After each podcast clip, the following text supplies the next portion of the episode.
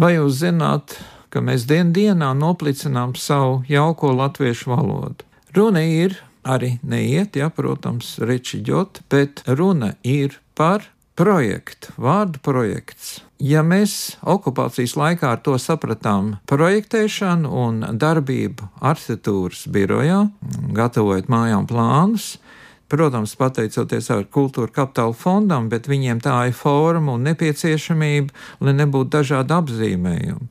Bet dien dienā, ja ir runa par kādu koncertu, par izrādi, tiek runāts par projektu, nevis arī par uzvedumu. Un muzikā jau vispār var pateikt, un arī mākslā, iecer, radoši iecer, radoši nodoms, kompozīcija, skaņdarbs, glezno. Ļoti daudz iespējas ir. Nē, visur ir projekts, jo tas skan vismaz tā nozīmīgāk, svarīgāk, vesels projekts, tur kaut kas būs. Otrs vārds - kolektīvs.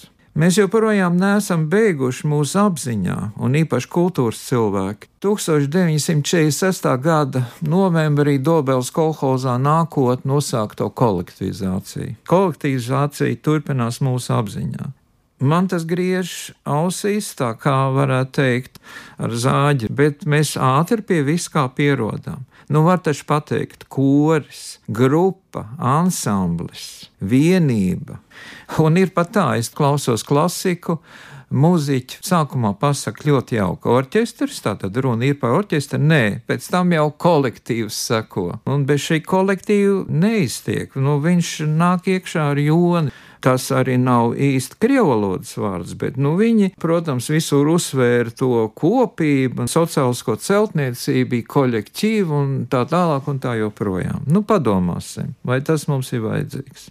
Tālāk, valoda piebārstīta ar vārdiem, godīgi sakot, īstenībā nu, tas vēl drīzāk varētu būt Bet patiesībā, ja patiesību sakot, kā tas jāsaprot, vai tas pārējais viss nav godīgi, vai tas pārējais nav patiesībā, vai neatbilst īstenībai?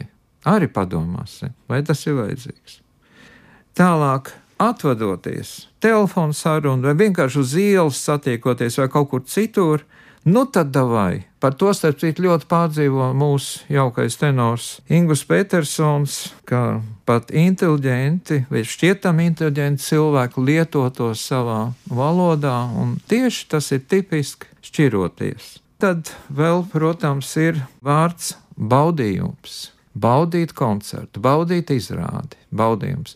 Es domāju, vai mēs tagad esam kļuvuši tā kā savā laikā romieši par hedonistu sabiedrību, nepārtraukti dzīves un muzikas baudītāji.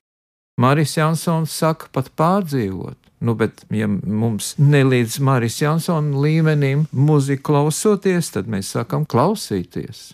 Nu, var taču pateikt, nu, tas skan atkal vecmodīgi, varbūt veclaicīgi patikšana. Bet baudīt tas attiecas uz cilvēku fizioloģiju. Baudīt ēdienu, gurmāniem sevišķi tas raksturīgi gardēžiem. Arī padomāsim, vai tas mums ir vajadzīgs.